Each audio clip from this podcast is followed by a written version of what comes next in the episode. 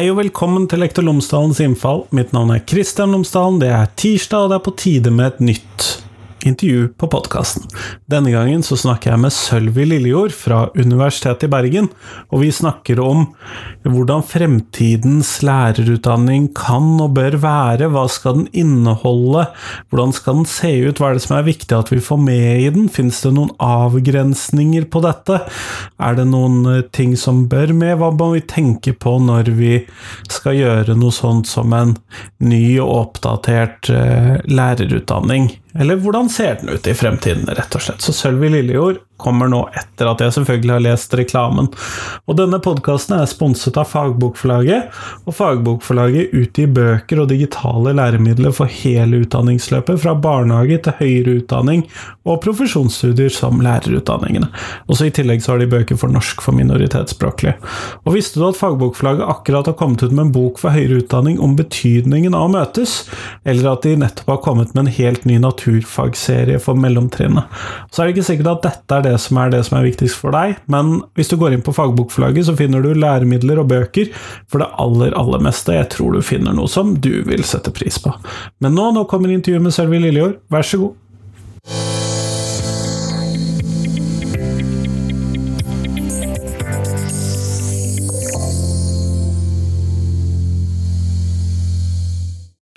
Sølvi Lillejord, tusen takk for at du har tatt deg tid til meg i dag. Veldig hyggelig å være her. Før vi kommer sånn ordentlig i gang med intervju, så hadde jeg håpet at du kunne fortelle lytterne mine tre ting om deg selv, sånn at de kan få bli litt bedre kjent med deg. Ja, jeg er utdanna lærer, eh, og så er jeg professor i pedagogikk. Eh, nå har jeg gått av med pensjon, så jeg er knytta til SLEIT, Senter for læringsanalyse ved Det psykologiske fakultet ved Universitetet i Bergen. Kjempeflott, tusen takk for det. Og det jeg har lyst til å prate med deg om, det er rett og slett lærerutdanningen, eller profesjonsutdanningen i det å være lærer. Og vi har jo i dag mange måter å bli lærer på. Og hvis vi da forutsetter at de skal ha en utdannelse alle sammen, så kan de jo gå på grunnskolelærerutdanningen, eller de kan gå PPU eller lektorutdanningen eller noe sånt. Men hva tenker du om denne situasjonen? Er dette en type struktur som vi skal beholde fremover for norsk lærerutdanning? Eh, ja, lærerutdanningen bør jo rette seg mot eh, det nivået eller det feltet man skal utdanne i. Men når det er sagt, så har nabolandene våre, f.eks. Finland, Sverige, Island, allerede på 70-tallet bestemt at alle lærerutdanninger, også barnehagelærerutdanningen, eh, skal ligge på masternivå og skal gis i et samarbeid mellom praksisfeltet og universitetet. Og det kom da først etter 2010-tallet i Norge? Det kom i 2017 egentlig hos oss at uh, grunnskolelærerutdanningen kom på masternivå. Så det bør være et sånt profesjonskjennetegn ved alle lærerutdanninger for at vi skal kunne si med visshet at vi har en lærerprofesjon, så må de ha en form for profesjonsutdanning. Uh, og der bør det være noe likhetstrekk mellom alle lærerutdanningene, og så må de rettes inn mot det nivået de lærerne skal utdannes for, selvfølgelig slik at praksisdelen av barnehagelærerutdanningen skjer i barnehagen, og grunnskolelærerutdanningen skjer i grunnskolen osv. osv. Nettopp sånn at eh, vi er fremdeles nødt til å opprettholde et sånt oppdelt system à la det vi har, for at vi skal kunne få til en god lærerutdanning. Ja, men strukturen på utdanningene bør være lik. Og da, og da snakker vi egentlig om en integrert utdanning, hvor praksis integreres med teori og data kommer jo inn som kunnskapskilde i økende grad, ikke sant. Uh, og det er akkurat denne integrasjonen mellom praksis og um, Fagkunnskap, og fagkunnskap og forskning som kjennetegner alle profesjonsutdanninger, og som vi må prøve å få gjort noe med for å få til bedre integrering da, i lærerutdanningene. For den har for hvert fall løst integrert. Nettopp, og da forstår jeg jo sånn at Eh, fordi at Ut ifra det jeg hører, da, så er det da litt vanskelig å se på PPU som en profesjonsutdanning i så måte. For det blir jo da at du tar en fagutdanning, og så slenger du på litt didaktikk og pedagogikk på toppen, og det blir på mange måter da ikke en profesjonsutdanning. Jeg tok, eh, jeg tok to år i lærerskole på 1970-tallet. og den, den var modellert etter det vi kalte seminartradisjonen. Eh, og det var en skole på toppen av skolen, så vi leste jo f.eks. sjette klasse pensum i fysikk. Så det var en veldig tro i den toårige lærerskolen at vi kunne lære om skolen ved å late som om vi var på skolen, hvis du skjønner. Det som er problemet med den måten å tenke på, er at vi ikke utvikler god nok metakunnskap om praksis. Fordi når vi lærer praksis gjennom praksis, så mister vi den refleksjonsdelen som da gjør at vi kommer i stand til å forstå praksis såpass godt at vi kan gå inn og gjøre noe med praksis, endre praksis, fornye praksis f.eks. For det blir vanskelig hvis vi bare praktiserer, og hvis vi ikke har denne analytiske komponenten ved siden av. Og så tok jeg også PPU, for da jeg kom til universitetet og var ferdig med sosiologi og, og norsk, så var det ikke godt nok med lærerutdanning fra lærerskole. Så da tok jeg PPU, og det var akkurat sånn som det du skisserer. Det ble mye metodikk, litt løsrevet metodikk, og de ulike foreleserne hadde ulike favorittmetodikker, uten at vi egentlig lærte veldig mye om det samme problemstillingen. Da. De hadde ikke noe god metarefleksjon over sine metodikker, slik at du skjønte sammenhengen mellom metodikken og det det skulle undervises i. Så vi kom ut litt sånn, sånn tekniske praktikere, på en måte, som også hadde en dyp forståelse av at det var mye Det var mange etiske problemstillinger og mange moralske problemstillinger, men hvordan ting hang sammen, tror jeg egentlig at jeg hadde litt for dårlig forståelse av da jeg var ferdig. Hvordan løser vi alle disse problemstillingene som du nettopp pekte på, i praksis? Altså, en, en, måte å tenke på er jo å prøve å se på hvordan medisin har gjort det, fordi eh, medisin og utdanning har mange flere likhetstrekk enn vi tenker på i hverdagen. Det, eh, det er veldig mye likt. Eh, eh hel, altså helsesektoren tror jeg er den største offentlige sektoren i Norge, men utdanningssektoren er ikke så veldig mye mindre. Ja, det er nummer to i hvert fall, sant? om ikke like stor.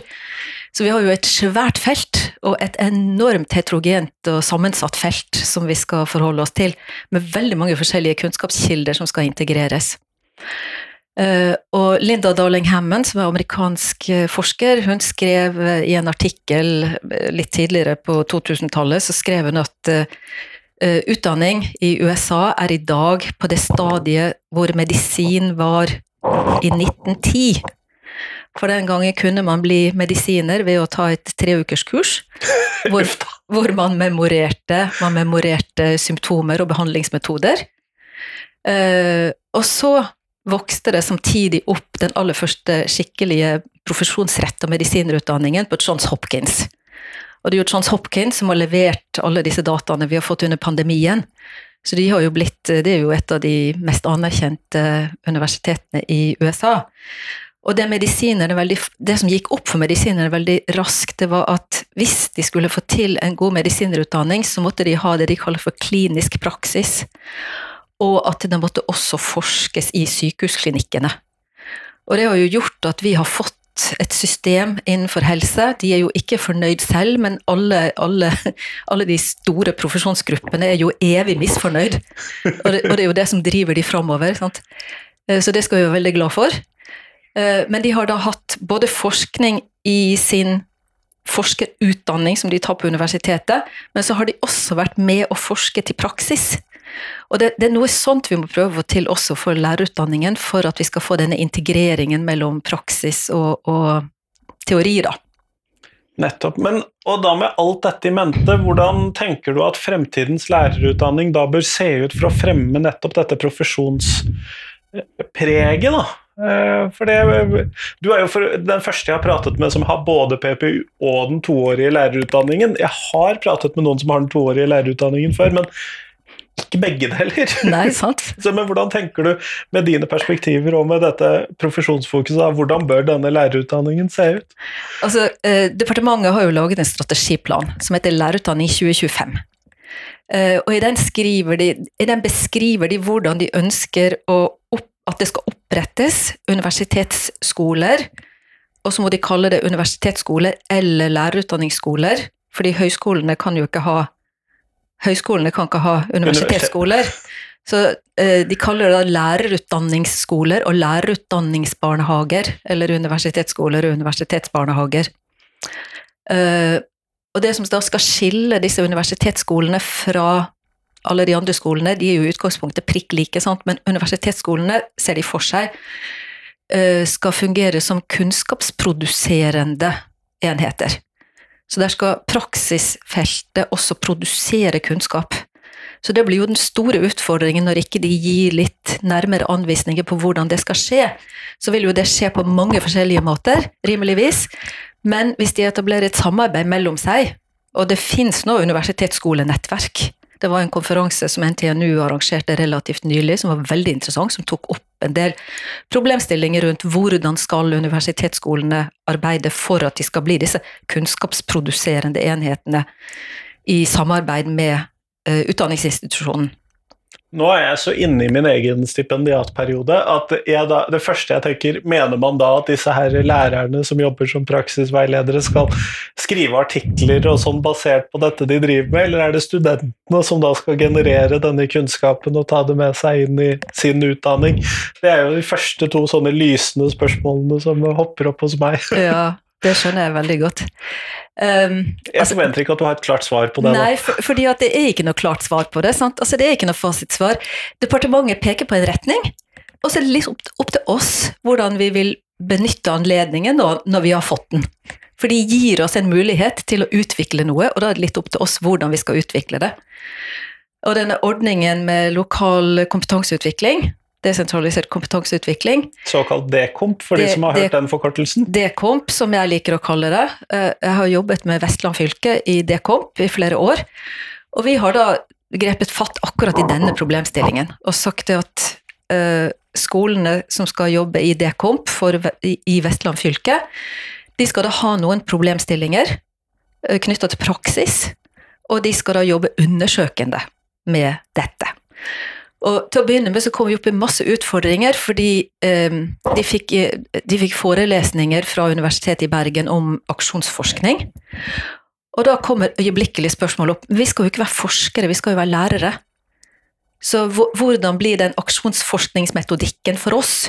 Så Vi sluttet rett og slett å kalle det aksjonsforskning, og så begynte vi å kalle det undersøkende arbeidsmåter i stedet.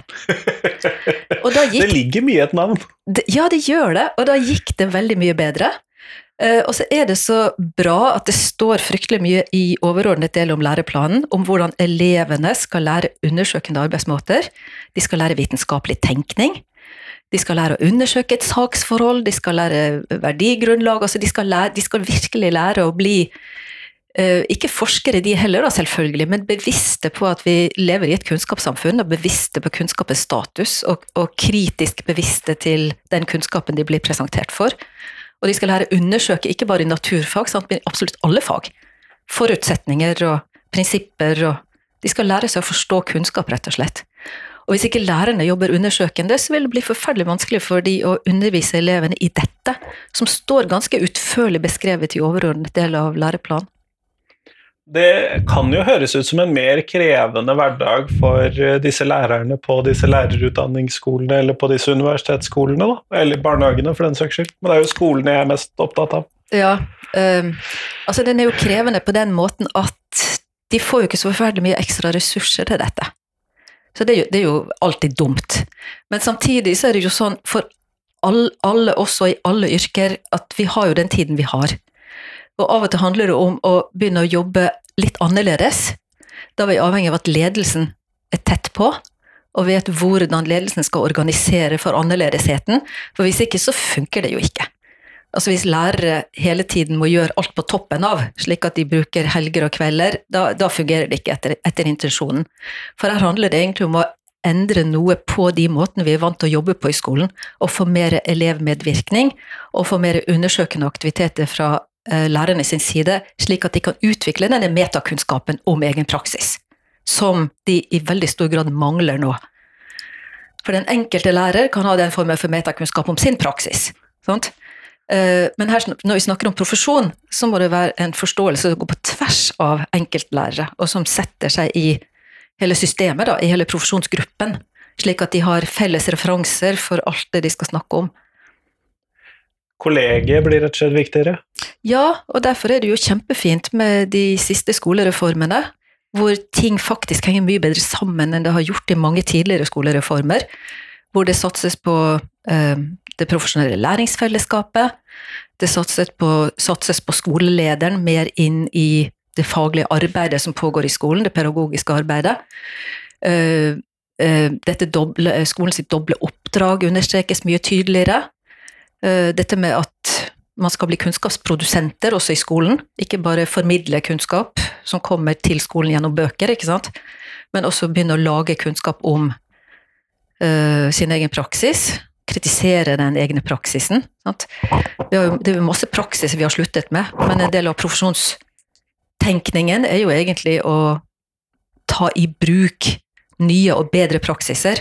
Og den kunnskapen kan komme både fra erfaring, den kommer like ofte fra erfaring som den kommer fra forskning. sant? Det, ja. Men, og dette leder meg jo rett over til et annet sånt nærliggende tema, fordi at det, eh, det høres jo ut som disse partnerskolene, partnerskapsordningene, kan sørge for at lærerutdanningen blir mer praksisnær. Det er i hvert fall en sånn vanlig sånn bekymring hos lærerstudenter, oppdaget jeg når jeg selv var det, at eh, kan disse som jobber på lærerutdanningen egentlig noe om skolen? Vet de egentlig hva som foregår der ute? Hva tenker du om partnerskapsskolene som kilde til sånn praksisnær lærerutdanning? Da? Um, det, det, jeg tenker er at det er veldig interessant når uh, utdanningene er etablert som et partnerskap mellom institusjonen, som da er den gradsgivende delen av utdanningen, som også har sertifiseringsrettighetene. sant? Eh, og skolene. Partnerskapet er mellom institusjonen, som da har forskningen og er gradsgivende, og skolen, hvor praksis skal foregå. Og så er veldig veldig mye av den kritikken jeg har hørt av lærerutdanningen opp gjennom tidene, eh, rettet av skolefolk mot den delen skolen skal ivareta. Det og det er jo litt ironisk. Det er litt, det er litt sånn Det er interessant, i hvert fall. Eh, så det er, det er, veldig interessant. Det var en gang eh, i, en by nordpå, og der var um, de som jobber Altså lærerne i skolen som var med på den konferansen jeg var med på, da, de var veldig indignert over at studentene som kom ut, ikke hadde lært om de nye whiteboardene de hadde i skolen. Og så men Skal de lære om det på universitetet, da? Hvis ikke universitetet har de whiteboardene, så er det jo vanskelig for de å lære om det på universitetet. Det må jo nesten dere ta dere av i skolen. Da så de litt sånn store ut på meg, så det er noe der. Altså det er, um, Som veldig mye annet er i Norge, så er dette litt uklart. Sant? Ja, for vi, Man kunne jo se for seg at eh, lærerstudentene, eller de ferdige nyklekkede lærerne, kom ut med liksom fullt sett kompetanse om alt det de trengte å ha kompetanse om når de skulle ut i skolen. Ja, men vi, vi må, det er helt opplagt at vi må tydeliggjøre enda mer, og vi er i gang med det hva som er skolens ansvar i lærerutdanningen, og så må skolen få alle mulige slags fullmakter til å gjøre dette. Fordi vi har, vi har fortsatt Det henger litt igjen, ikke sant, at universitetet er over skolen. Uh, og da tenker vi Altså, da legger vi veldig mye i det. Så la oss, la oss, si at vi har en sånn hierarkisk tenkning rundt utdanning. Så vil dette med at noe er over, vil både si at de har ledelse, og de har fullmakt, de har innsikt, og de har kunnskap, og de har kompetanse. Altså vi legger mye, mye mer i det enn det er. Eh, så vi, vi, må inn i en sånn prosess hvor vi får mer symmetriske partnerskap, rett og slett. Hvor skolen får mye klarere ansvarsbeskrevet sin del, og blir satt i stand til å kunne gjøre den jobben da, på en annen måte enn vi har hatt. For vi har jo gått fra en ordning hvor det, det har vært eh, enkelte øvingslærere på skolen som har hatt lønn, så ble det for lenge siden gjort slik at skolene får en pott med penger, og da er det litt opp til ledelsen hvordan disse pengene skal fordeles mellom de som gjør det. Så skolen har jo fått et handlingsrom her, så de må gripe på en eller annen måte det handlingsrommet. Sånn som det er nå, tror jeg nok studentene opplever store forskjeller fra skole til skole på hvordan deres praksisopplæring blir. At uh, mange steder er det superprofesjonelt, og de får variert praksis, og de får delta fra dag én osv., og, så videre, og andre steder er de nok litt mer passive. Ja, og jeg mistenker at man til og med finner noen av disse forskjellene internt på hver enkelt skole også. Det kan godt hende. Som jo selvfølgelig er vanskelig òg. Men den store løsningen på alle samfunnsproblemer er jo at alt skal inn i skolen. Ja. Og dermed så må jo alt også inn i lærerutdanningen. Mm. Hvordan skal man klare å prioritere hvilket av alle disse tusen forskjellige verdige tingene som skal inn i skolen Det er sikkert tusen til som mm. man kan tenke at eh, det driter vi uansett i. Mm. Men det er jo sikkert tusen ting som er verdige til å være med i en lærerutdanning. Hvordan klarer mm. vi å prioritere dette, eller hvordan skal vi klare å prioritere dette? Jeg har ledet arbeidet i en ekspertgruppe for skolebidrag. Eh, Og vi vi leverte to rapporter. Og vi var ute og snakket, hadde dialogmøter med åtte forskjellige skoler. Eh, Og de skolene var valgt ut basert på det mandatet vi hadde. Så vi skulle da svare på hva kjennetegner skoler som driver et godt kvalitetsutviklingsarbeid, og derfor har relativt høyt skolebidrag. Og hva kjennetegner skoler som har mange elever fra hjem med lav SØS, altså sosioøkonomisk bakgrunn. Eh, Og hva kjennetegner skoler som over tid har lavt skolebidrag. Så vi valgte ut skoler basert på dette, og hadde, det var kjempeinteressant å reise rundt og snakke med disse skolene. Men det som kjennetegnet de skolene som vi hadde i profil 1, som da var skoler med høyt skolebidrag Altså dette er skoler som får inn elever som allerede har et kjempegodt utgangspunkt, men allikevel så klarer de over fem år å løfte disse elevene substansielt. Eh, Det de rektorene var veldig opptatt av, det var å skjerme kjerneaktiviteten. For de sa det at det er så mye som skal inn i skolen, og de vil at vi skal holde på med alle mulige slags ting. Og det er relevante og ikke-relevante ting som kommer deisende ned på rektors bord. Så min primæroppgave som rektor er å skjerme kjerneaktiviteten. Si nei. Rett og slett si nei, eller sortere. Og passe på at det viktigste blir gjort. Og for disse var jo da læring det viktigste. Og at lærerne hadde tid til å gjøre det de skulle gjøre, og at ikke skolen driftet fra det ene til det andre. Så jeg tror dette med å få flere i systemet, og det gjelder både skoleledere og skoleeiere, altså nivået over skolen, til å bli Vi må bli enige med oss selv om at det er noe som er kjerneaktivitet, og så er det noe som er utenfor. Og politikerne har jo veldig masse de er interessert i. Og ideer. Og politikerne skifter hele tiden. Og da kommer det nye politikere med nye ideer. Eh, Og en ting som er helt skråsikkert, det er at det går ikke an å endre skolen med én idé. Altså, endring av skolen er, må basere seg på hele fundamentet for skolen. Og Det er derfor jeg er begeistra for de siste reformene, fordi de har grepet fatt i akkurat noen av de aller mest sårbare områdene, og så styrker de de sårbare områdene. Men da blir det jo krevende når media slår opp at det er et problem med mobbing eller eh, nakenbilder på tikt, eh, Snapchat, eller hvor nå de sender nakenbilder for tiden, eller eh, hasjdealing på Snapchat, eller man Det er et eller annet samfunnsproblem, og så skal dette løses ved at man styrker det i skolen. Mm. Eh, så blir jo det da vanskelig å stå imot hvis det er et samlet stortingsvedtak som sier noe om dette. Ja, nei, man- man, skal jo, man skal jo ikke stå imot. Eh, men man må jo forstå hvordan er dette relatert til kjerneaktiviteten. Og da må man ha en enormt god forståelse av hva denne kjerneaktiviteten er, og være veldig bevisst på hva det er som er utdanningssektoren da, sitt hoved... Eh, altså sin, raison d'être. Altså hvorfor er vi her? Sånn, der, for, for å sammenligne igjen med, med helse og, og legene altså De har jo dette De skal hjelpe folk. Og hvis ikke de hjelper folk, så er det utenfor deres kjerneoppgave. Og det kan godt hende at vi skulle ta noen runde, at vi i utdanningssektoren skulle ta noen runder med oss selv og, og bli enige om hva som er det viktigste for oss. Vi har jo f.eks. et kjempeproblem med at vi har i barnehagen så har vi en oppfatning av barn som kompetente individer. Når de kommer til skolen, så har vi et helt annet elevsyn. De møtes med et helt annet elevsyn i skolen enn det barnesynet de ble fulgt av gjennom hele barnehagetiden sin. Så disse høyt kompetente, eldste, største, flinkeste barna, sant? De blir veldig små når de kommer i første. De blir veldig små og disset ned når de kommer i første. Og der, der, har vi, der har vi et stort forbedringspotensial som vi absolutt må gjøre noe med. Og det kan hjelpe oss til å styrke denne tanken om en kjerneaktivitet, som er viktigere enn alt annet. Nettopp, nettopp. Eh, Men du snakket jo om disse skolebidragene, og de er jo politisk bestemt, og man, eh, de må jo på en eller annen måte være sånn passelig mulig å telle hvis de skal gi en, en eller annen form for mening, men hvordan sikrer vi at da lærer... For dette tror jeg, føler jeg da henger sammen med det du nettopp sa. Hvordan sikrer vi da at lærerutdanningen kan bidra til å styrke skolenes arbeid med disse skolebidragene? Altså, vi har forferdelig masse tall og informasjon om, om skole. Veldig mye. Eh, Dette har vi samlet siden det ble vedtatt at vi skulle ha et kvalitetsvurderingssystem i 2004. Så har vi samlet denne informasjonen. Det har skjedd veldig tilfeldig.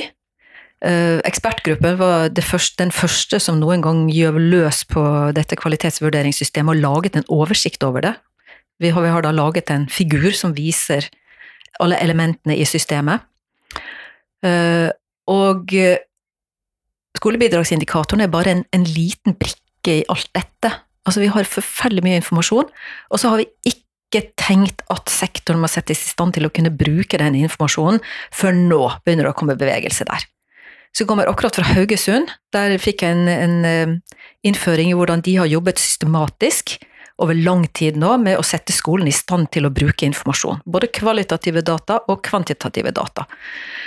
Eh, så det, må, det, er faktisk nivået over skolen, altså skoleeiernivået, som må gripe fatt i dette og sette av tid og ressurser til å gå gjennom med skolene hvordan disse, alle disse datakildene kan fungere som gode informasjonskilder til å bedre praksis i skolen. Ja, det Det høres jo krevende ut da, for både skoleeiere og skoleutdannere, eller lærerutdannere, rektorutdannere og alle disse ulike gruppene som da må jobbe med dette. Ja, men det er en overgang. Altså det, er, det er rett og slett en ny måte å tenke på. Du må, du må liksom tenke sånn at vi har hatt en slags linjeorganisasjon hvor linjen kommer ovenfra og går nedover. Sant? Og så har vi ikke hatt noe særlig tilbakemeldingssløyfer i den organisasjonen vår. Vi, vi har liksom, Sluttproduktet har vært elevenes karakter, og det er liksom ingen som har hatt ansvar for det. De siste 20 årene så har det blitt mye mer oppmerksomhet med Men hvem har ansvaret for det sluttresultatet, da? Og hvordan kan vi forbedre det? Og i det øyeblikket du begynner å stille sånne spørsmål, da må du inn i sånne læringslooper. Altså da må du ha noen tilbakemeldingssløyfer. Og da må vi for det første så må vi få mye mer elevmedvirkning i skolen. Slik at elevene trekkes med hele veien. Ja, for de må jo også være en del av denne loopen. Nemlig. For det er jo de som opplever undervisningen, de har jo masse innsikter i undervisningen. Eh, men vi er altfor dårlige til å hente ut det, er jo også en form for data. Vi er altfor dårlige til å hente ut den formen for data, informasjonskilder, som kaster nytt lys over, over undervisningen. Sant? det, det er ett perspektiv. Skolebidragsindikatoren skal bare være ett, én variabel blant mange variabler. Så den skal ikke overbrukes, og den sier ikke sannheten om skolen. Eh, og det vi fant i ekspertgruppen, var jo at vi, vi kunne ikke bruke skolebidragsindikatorene til å identifisere de skolene vi trengte. Det var veldig overraskende. Men de er Ja, for det liksom kunne man jo nesten forvente at dere da brukte. Ja, vi trodde, vi trodde at vi kunne det, men vi kunne ikke det. Så SSB prøvde å hjelpe oss, de, og de har også skrevet en rapport om dette. Men det viser jo bare egentlig at skolebidragsindikatoren er én indikator blant mange. Det er ett mål blant mange mål. Og den nyanserer og utfyller noe.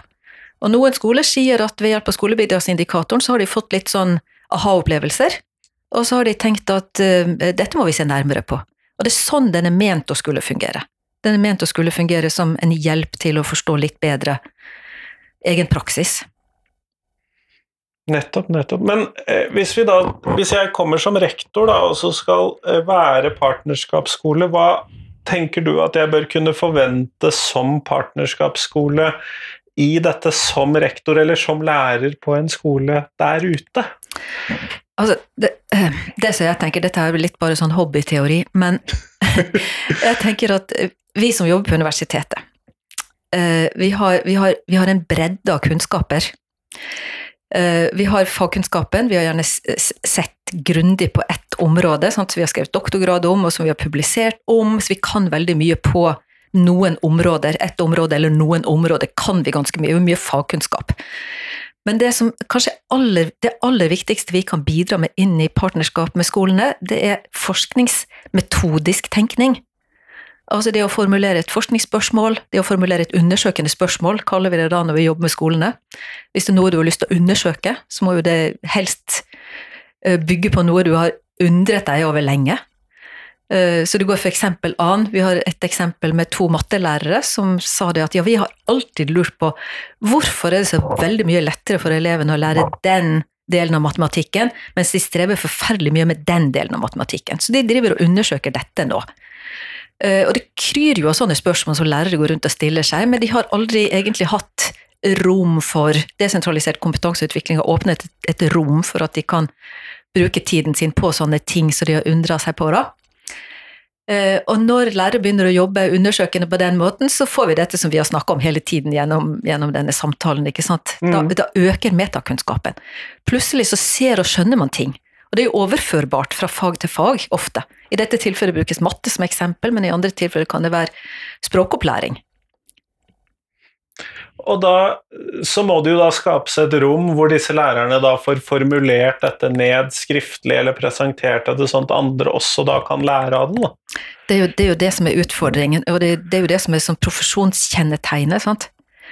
Um, Ja, for leger gjør jo dette ganske systematisk, i hvert fall en del leger gjør dette ganske systematisk. vel, veldig mye på dokumentasjon. Eh, For du kan jo ikke dele altså du kan, ikke de, du kan jo selvfølgelig sitte og dele erfaring, men hvis det bare er luft, altså hvis det bare er snakk Sitte på lunsjrommet og prate sammen, liksom. Ja, eller hvis det til Altså det kan til og med være sånn at de har eh, erfaringsdelingsøkter, sant, hvor de skal sitte og dele erfaringer. Og det kan jo være veldig inspirerende, men når du er ferdig med middagen den kvelden, og du har eh, hjulpet ungene med lekser, og du har så videre, hvor mye husker du egentlig av det da? Så du kan kanskje ha fått et godt tips til din egen praksis, men i hvor stor grad har dette styrket profesjonen? Det er det vi må tenke på. Eh, Og det er derfor dokumentasjon, som da må være i et format hvor det kan deles, og da bør det jo være skriftlig gjort, eller, eller tatt opp på bånd, eller i en powerpoint, eller det må være et eller annet Sånn format dette. sånn som dette, som kan deles. Eh, Da går det an å vurdere det som har blitt sagt, sant? da går det an å nyansere det, da går det an å kritisere det, da går det an å få gjort det til sin kunnskap. Og da kan man i et profesjonsfellesskap begynne å diskutere og drøfte seg fram til hva skal bli resultatet av dette for vår praksis. På de skolene vi besøkte som hadde høyt skolebidrag, så var de helt eh, rå på det med å bruke profesjonsfellesskapet. Eh, De, var, eh, de hadde en ekstremt høy grad av medvirkning. Elevene medvirket i absolutt alt, hele tiden. Det, og det var helt uproblematisk. Altså det var fordi det var integrert, så var det helt uproblematisk. Det gikk helt sømløst. Det var ikke sånn at nei, nå skal vi, nå skal vi høre litt på elevene. Eller vi skal høre, tor, torsdag skal vi høre på elevene. Det var ikke sånn. Det var hele veien. Eh, Og hvis, hvis flere elever kommenterte noe lærerne hadde prøvd ut, en undervisningsmetode de hadde prøvd ut, som de hadde bestemt seg for, eller en form for vurdering de hadde testet ut, så fikk de øyeblikkelig tilbakemelding på det, og så drøftet de da i profesjonsfellesskapet. Så fortsatte de med det som elevene hadde sagt, at dette fungerer kjempebra, ikke sant, og så justerte de og endret på det som elevene ikke var fullt så fornøyd med. Og det vil det jo alltid være. Noe Ja. funker jo, og noe funker jo ikke. Ja, selvfølgelig. Og så er det noen elever mener det, og noen elever mener det. Men jo, jo mer rutinert elevene er i å gi den formen for tilbakemeldinger, jo mer konstruktivt vil det bli. Og min erfaring med elever er jo at de er forferdelig konstruktive, og de er veldig kloke. Og de ser veldig mye, de forstår veldig mye. Du skal være en av de første som får mitt nye faste spørsmål. Eh, For vi er kommet til slutten av den tiden vi har sammen. Eh, Og det nye faste spørsmålet mitt er hvilken lærer har gjort størst inntrykk på deg, og hvorfor det? Eh, altså, vet du hva, det var, og det er jo en grunn til at jeg ble norsklærer, da, det var norsklæreren min på gymnaset. Eh, og det, det han gjorde som gjorde inntrykk på meg, det var at han brukte norsktimen i veldig stor grad til å eh, invitere oss med på vanvittig interessante diskusjoner. Han hadde alltid med seg noen kjempeintellektuelt utfordrende spørsmål som han fikk oss til å diskutere. Og vi ble, vi ble så glad i de norsktimene. Vi, vi gledet oss til norsktimen, fordi en del av timen ble alltid brukt til dette. Så vi følte liksom, For det første så følte vi Vi ranket jo ryggen, sant? for vi følte at vi, han tok oss på alvor. Uh, og vi følte oss voksne, sant? fordi han behandlet oss som voksne. Uh, og vi lærte veldig mye av å høre på de andres perspektiver og synspunkter, og av å um, utvikle våre egne argumenter, ikke minst. Så jeg tror det, det er kanskje noe av det viktigste vi kan gi barna med. Og jeg føler jo nå når jeg sitter og ser på media, bare litt sånn opplevelsesmessig, da, at der har skolen blitt ganske bra. Altså det er, det er god argumentativ kompetanse i, i den yngre befolkningen. Så det må vi jo bare fortsette med. Kjempeflott. Tusen takk for at du tok deg tid til meg i dag, Sølve. Takk for at du inviterte meg.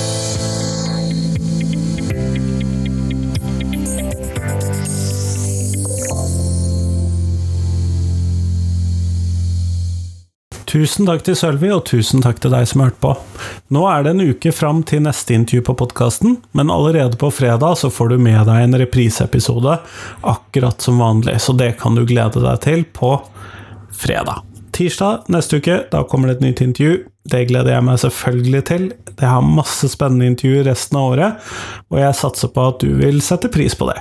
Nå har jeg faktisk begynt å spille inn det som skal være episodene mine i januar, sånn at eh, selv om jeg skulle ramle om på isen, så vil det være podkastepisoder med Lektor Lomsdalen en god stund fremover, og det syns jeg er veldig betryggende i en travel hverdag.